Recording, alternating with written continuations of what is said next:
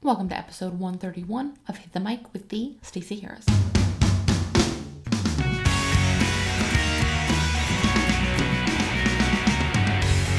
Hello, hello again. Episode 131. I'm the Stacey Harris. This is Hit the Mic. Uh, you should know all of that stuff already.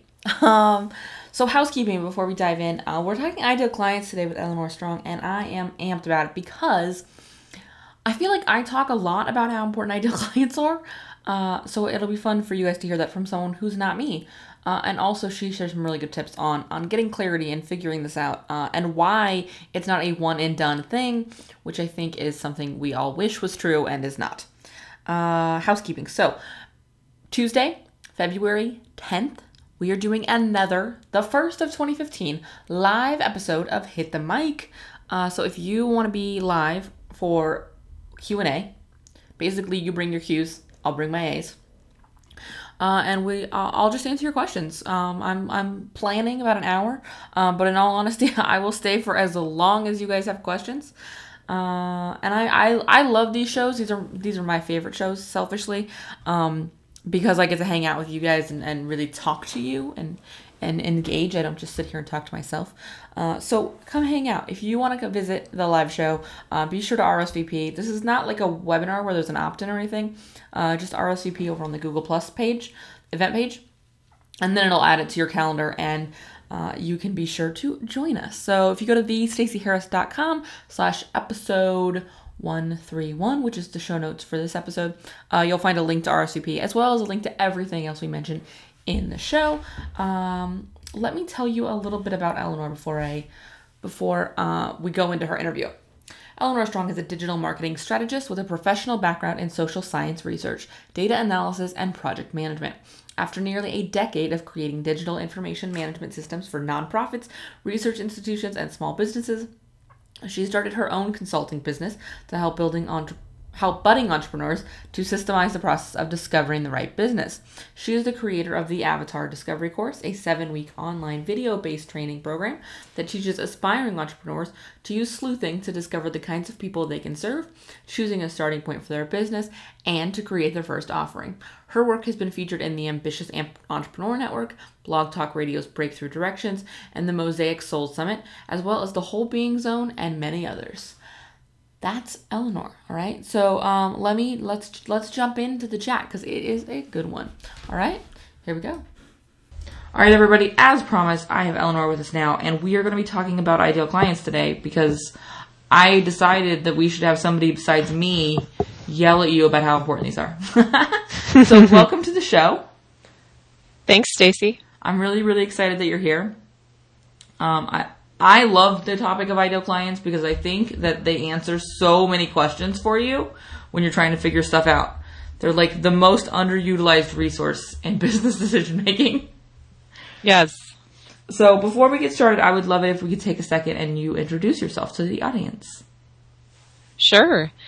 So, um, I am a digital marketing strategist right now focused on helping people to define their target audience and then come up with strategies to attract them. And so this is kind of the perfect thing for me right now because I have a background as um, a researcher, a social scientist. So um, I am all about, you know, looking at lots and lots of information and discovering patterns and things like that. And I'm also just kind of a hoarder of information in general. So I love, you know, collecting information and kind of crunching through it and, and seeing what the patterns are. And I also love, um, you know, just the subject matter of psychology and sociology and sort of what makes people tick and, and how we can reach people and show that, you know, we understand where they're coming from. So, um, that is the super quick um, background on how I came to be doing this work. That's really cool. Uh, to be fair, information is like the best thing to be hoarding. It takes the least amount of space. Yeah. Especially in this lovely digital age. Um, no, that's that's really cool, and I think I think being able to look at large amounts of information is something that that can overwhelm you when you look at your ideal clients because you sort of get you do get a lot of information from them. You know, mm-hmm. you get a lot of insights from them. And I think that that can be a lot to take in sometimes. Yeah. Cool. So let's let's let's shift gears and let's start talking about ideal clients. Everyone has heard me say, like I, I think I've said it in this episode already. All of your answers are in two places: your ideal clients and your your numbers, your stats. All of the stuff you need to know is there. Um, so why do you think ideal clients are such a critical piece um, in in building your business and and and growing your business? Not just the foundation pieces, but as it grows, they're just as important.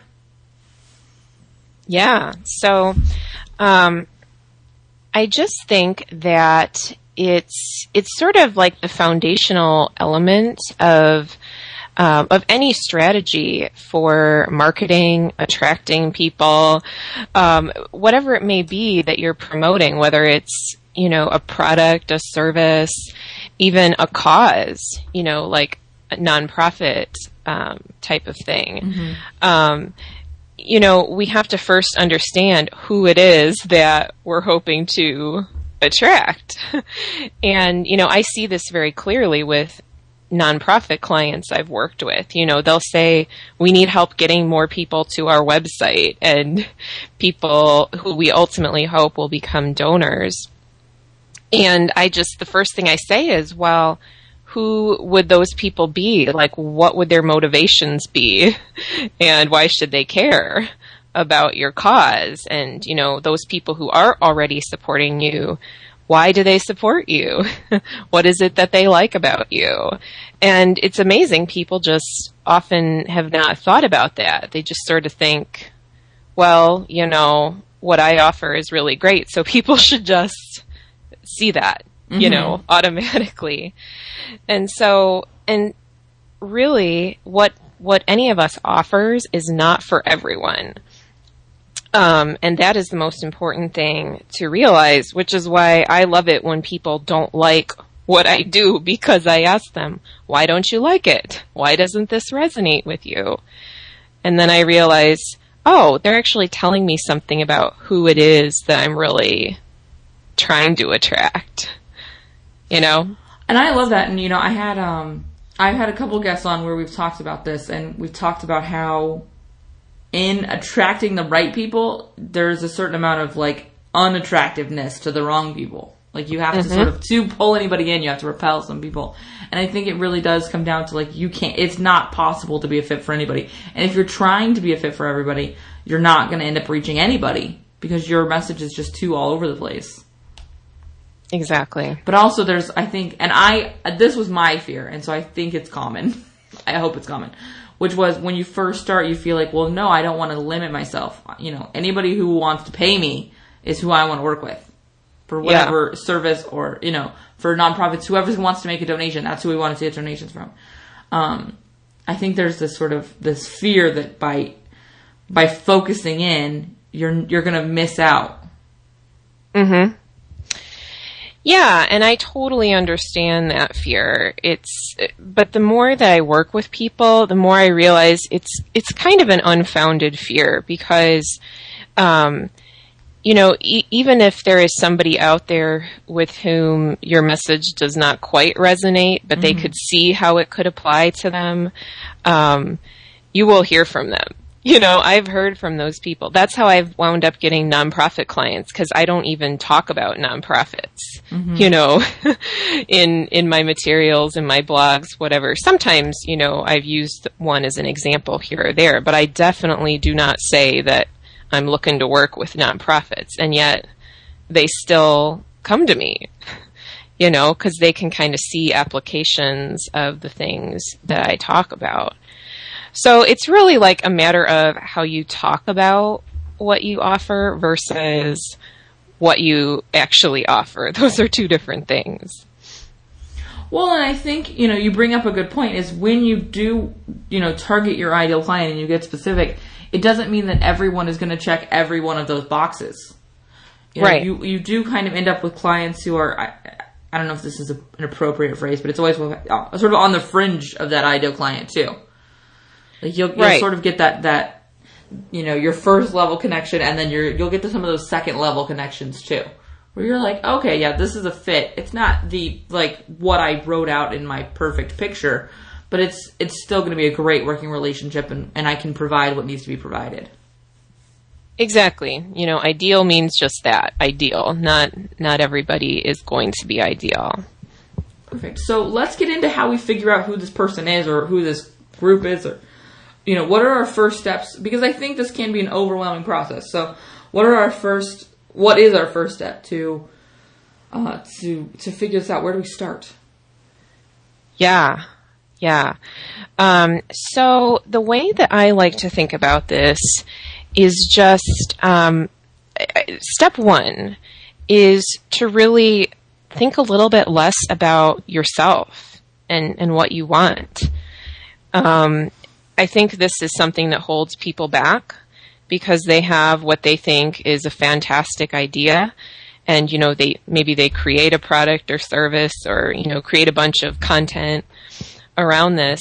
But you know they they have not looked you know validated to see that this is something that will resonate with at least some people. And so you know there's a lot of talk out there about finding your passion and you know um, designing your ideal lifestyle. And those things are important, but if you're going to be making money from your passion and creating this ideal life, it's going to have to be around something that matters to other people, not just you. So I just, the way I like to think of it is just think in a new way. Think about becoming a student of others' needs instead of like, what am I supposed to be doing with my life? What's my passion? And just think, what problems are others having that I can solve and how can I support them? And once you start looking at things through that lens and you're browsing blogs, you're browsing the internet, forums, Facebook groups, whatever, you start to see people are asking questions. They're describing their problems and frustrations. And you start to see, well, which one of those, which ones call out to you? which ones feel like things that you want to address.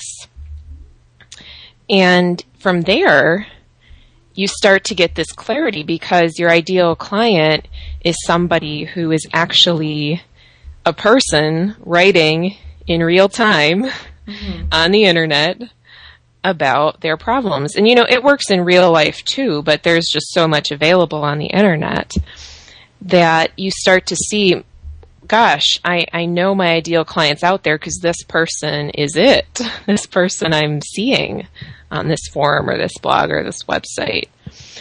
So that that is why I think a lot of people hate the concept of ideal clients because to them it's just like making it up, mm-hmm. making up a person. I'm not sure they exist, and yeah, that's not helpful at all. You no, want a real person. yeah. Well, and I think, you know, I, I really like what you bring up about, you know, finding people who fit that. Because for me, one of my, you know, the way I make my content, the way I I come up with what who we're gonna have on the show and, and what I'm gonna talk about in my standalone episodes or over on Hit the Mic TV is is seriously stuff when I answer questions online. You know, I see them popping up in Facebook groups or Google Plus communities or LinkedIn groups or the the emails I get from people when they join the list and that you know that's where it comes from. So if you can find those people, they'll give you that insight. Um, you know, we had Kendrick Shope on the show, and she talked a lot about when she first started her business. She did like a hundred interviews or like fifteen minute free calls, which were like for her they were kind of like little ideal client interviews. She was trying to get insights into what their needs were because you you brought it up too if you don't know what their needs are, it's impossible to serve them. And if you can't serve them, you cannot make money. And if you cannot make money, you cannot live that magical lifestyle. Mm-hmm. It's, it's a whole path. yeah, exactly. And it's, you know, gosh, a hundred interviews. That's, that sounds like to me like about right, you know, as far as what it takes to really get clear on this. And it doesn't have to be interviews. Like I didn't really do many interviews to get clear on my ideal client, Mm-hmm. but I did a ton of research and observing people talking organically Mm-hmm. about their problems. And I captured all these problems using my favorite tool, the Evernote web clipper. And I put these all into a file and I just went through and I categorized them and I was like, which, which of these are really kind of saying something similar? and it was a lot of work. Like, and I don't know of any shortcut to this work. It's the most important thing you can do to lay a foundation for your business. So after we have, you know, pulled together this research, what is what is our next step? So I, I guess I kind of alluded to it a little bit already, but um, I like to think of sorting as sort of the next step. You're sort of looking for commonalities in um, the problems that people are talking about. Like which of these are pretty much saying the same thing. Um, and that was how I came up with my ideal client is I heard people over and over saying, I don't know who I'm targeting and I don't know how to find out because I don't have clients yet. It's, you know, a chicken or egg kind of mm-hmm. thing. And so I realized a ton of people were saying this. So I look for similarities in the wording, in the concept, you know, the general issue of what it is that people are saying. And then it becomes kind of a divide and conquer kind of thing. Um, because this huge sort of globalized problem can usually be broken down into sort of mini problems. And and that's what I do next is I love charts. So I I have this chart that I work with people on where we break down this big problem into different mini problems and then sort of mini results that they could deliver for people. Well, and I really like the idea of, you know, and you kind of mentioned it in passing, but that point of the way they're talking about the problem is similar. Because a huge group of people are going to have, you know, who are my ideal clients? I don't know who I'm targeting to. But the people you want to work with are all going to talk about it a pretty specific way. Mm-hmm. So I think that's a really good way of narrowing down, even inside of, you know, I want to work with people who have, you know, for me, I want to work with people who struggle with social media. That's a very large problem. Yes. A lot of people are going to have that, but the people I work with talk about those struggles in a very specific way. It's not people who struggle with how much time their kids should be on social media. It's not Right. people who are trying to um, sell people into, you know, condo timeshares. Those, you know, those aren't, those aren't generally the people I work with. You know, it's a it's a subset of people with that much larger problem. So I think that piece of how they're talking about their problem is so so is so valuable. Yeah, yeah, and I I think a common um, sort of distinction in how people talk about problems is that sometimes people actually know what their problem is, and sometimes they don't. So you've kind of got people who have a self diagnosis versus don't have a self diagnosis, and this is something that came up for me. Is you know really what I'm doing is not necessarily, I talk about it as ideal client, but really the ultimate benefit is better marketing and more sales and more mm-hmm. money. But I talk about it as ideal client because my target people are people who know that this ideal client piece is important. You know, so I want people who see the value of knowing their ideal client, but they still struggle with it versus people who are like, well, you know, my, my marketing's not working and I have no idea why. Yeah. Those people are a little further back. In, they're not as far along in their journey of seeing, you know, how to improve their situation. And and I think that that you know again that's a really valuable piece of information you get from hearing people talk about. Also, I think a lot of times because you know it's not that we necessarily know everything we're going to teach our clients. We just happen to know more than our clients know. We don't necessarily like I, there are things mm-hmm. about social media I'm sure I don't know because it would be very hard to know all of the things. But I know more than my clients know, and and that's that's the most important piece.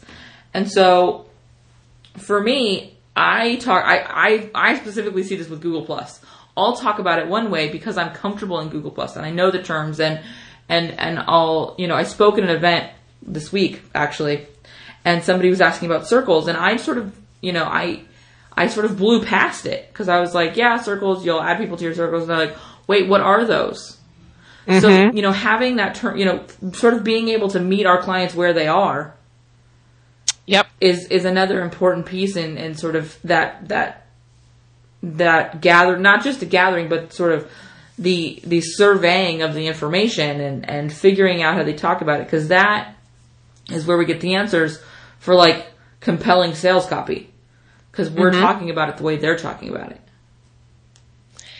Yeah, and the thing is that people don't know what they don't know. Mm-hmm. So that's why asking questions or doing surveys is not always, you know, it's, it can be of limited value in getting mm-hmm. this information. Like the example I always love to use is, you know, everybody, you know, so when we're in high school and our history teacher stands up at the front of the room and says, all right, who has questions about chapter five? And, you know, blank stares all around. And the teacher's like, all right, no questions. Everyone's going to get 100% on the test, right? Mm-hmm. and, and you know, the students start to panic and be like, well, no, I just, I don't even know what to ask a question about. Like, I, I'm not going to get 100%. I just, I'm stumped as to what even to ask. and so that's a good example of why, or just the fact that people do not know what they do not know. Absolutely. So yeah. once we've put all of this together, you know, where where do we go next once we kind of have this information? How do we sort of, you know, we talked about, you know, charts and things, but is this something we need to like have a document of that says this is my ideal client? Is that helpful? Um, I think it is. I mean, honestly, what I find most helpful is to have sort of all the possibilities laid out. So you've got a chart of many problems, many results you can deliver.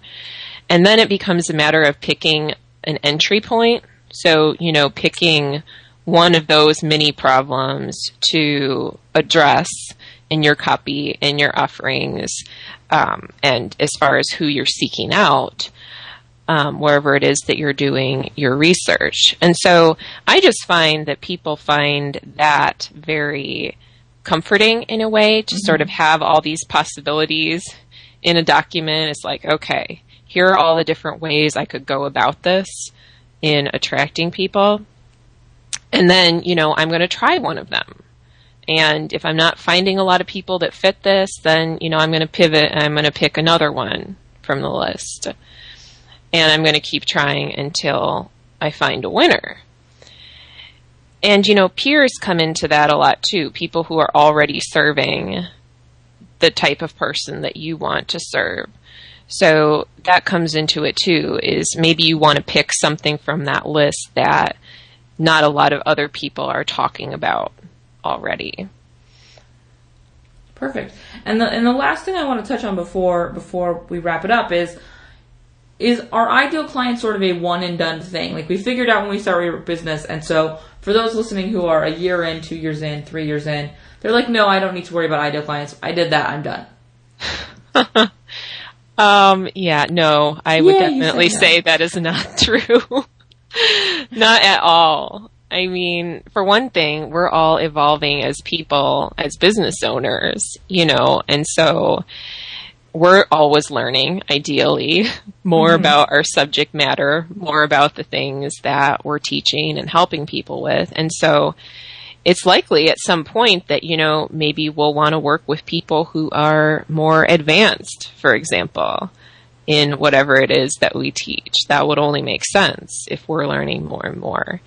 Or maybe, you know, we experience something personal in our life that you know, affects the type of work that we want to do, or maybe we're just tired of it. And so, um, it's definitely something to revisit on a regular basis. Personally, I'm always doing it. I'm always capturing the comments, the problems, the frustrations. So you can never do too much of it. I That's agree, and, and, the reason you know the reason I brought it up is, is I made the comment earlier about you know for me I I try to be just ahead of where my clients are. You know what I mean? I, I there, I'm never going to know all of the stuff all of the time. So as I learn, my ideal clients, you know, evolve a little. You know, I can, I can, you know, when I first started, it was a matter of like working with people who were trying to just grow their email list, and now it's people who are trying to have successful launches because I've done that. I can teach that. I can teach you how to do that with social media. You know what I mean? So mm-hmm. my ideal clients has evolved as I have gotten more experience and and for me and how I work, tested more theories and it and and and figured out more things just in sort of not just the concept level, but in trying it and experimenting with it and saying, oh yeah, this will totally work. Um, so I, I love that. Personally, I look at my ideal client not all the time. I do sort of capture um, phrasing and things all the time, but I, I try and sit down uh, and evaluate my ideal client whenever there's something new happening as far as an offering or something. Uh, because also for me, the very specifics of my ideal clients vary a little bit between between my offerings. You know, the people who work with my company, and my husband and I, and our team for management services are not the same people who buy the Rockstar guides. Mm-hmm. So, so I think it is so important to not just like set it and forget it with this. Yeah, no, no, no, not at all. No, yeah, you're definitely doing, I think, yourself and, and your community and your potential community a, a big disservice. So if people want to learn more about you and, and your process, and, and I know you have a program where you sort of walk people through this, um, how can they get that information? Sure. So um, my main site um, where I blog about these topics and you know have a lot of great resources is eleanorstrong.com, which is just my name.com. And if you just type my name into Google, you'll find it. My name's spelled a little bit unusually, but any version just typed into Google should work. Um, and there you can also find out more about my one-to-one program, which is the sleuthing jumpstart session. I didn't actually use the word sleuthing at all in this conversation we had, but that's just my way of being a detective about your ideal client, basically. So I work with people one on one to come up with a plan for sleuthing out their ideal client. So you can get that on eleanorstrong.com. And then um, yes, my program for discovering your ideal client is the Avatar Discovery course. And I don't think we use the word avatar either in this conversation, but you know, it's basically the personification of your ideal client. So people can go to the avatardiscoverycourse.com and there are some free videos there that are sort of an introduction to um, the process. Very cool. Well, thank you for joining us. Um, it's a lot. It was a ton of great information, so I'm, I'm excited to see what everybody does with it. Uh, and of course, thank you guys for listening, and I will see you next time.